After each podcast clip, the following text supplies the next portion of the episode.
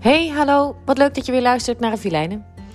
Ehm, deze brief schreef ik een tijdje geleden. Toen mijn oudste dochter zich afvroeg of ik wel haar echte moeder was. Ik schreef deze brief aan mijn lieve vriendin die een kind heeft geadopteerd. Lieve moeder. Mam, ben jij mijn echte moeder? Mijn oudste dochter zit achter in de auto en haar verwarde snoet kijkt via de spiegel naar mijn verbaasde gezicht. Natuurlijk ben ik je echte moeder, lieverd. Waarom vraag je dat? Ze legt me uit dat Kim, jouw Kim, vandaag haar spreekbeurt hield. En dat ze vertelde over haar verwegmoeder.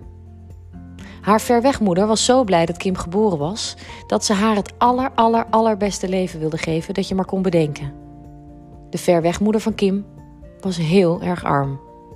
Zo arm dat ze Kim niet te eten kon geven.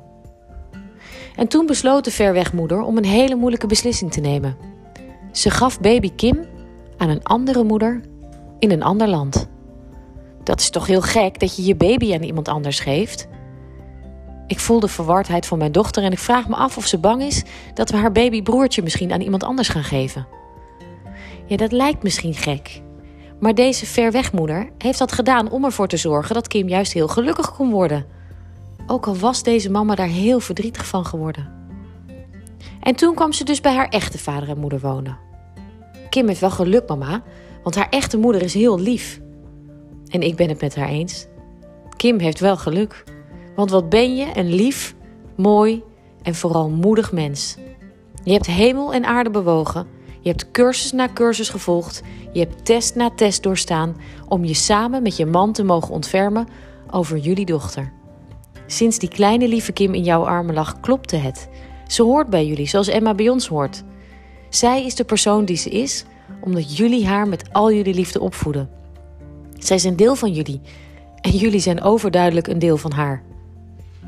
Ik heb het je nooit gezegd, maar ik ben immens trots op jou. Want natuurlijk zeg jij dat het heel normaal is wat jullie hebben gedaan. Als dat zo was, dan waren er geen wezen meer in de wereld. Het is heel bijzonder wat jullie hebben gedaan en elke dag doen. Het is heel bijzonder dat jullie Kim haar leven inkleuren. En het is heel bijzonder dat jij haar moeder bent. Haar echte moeder.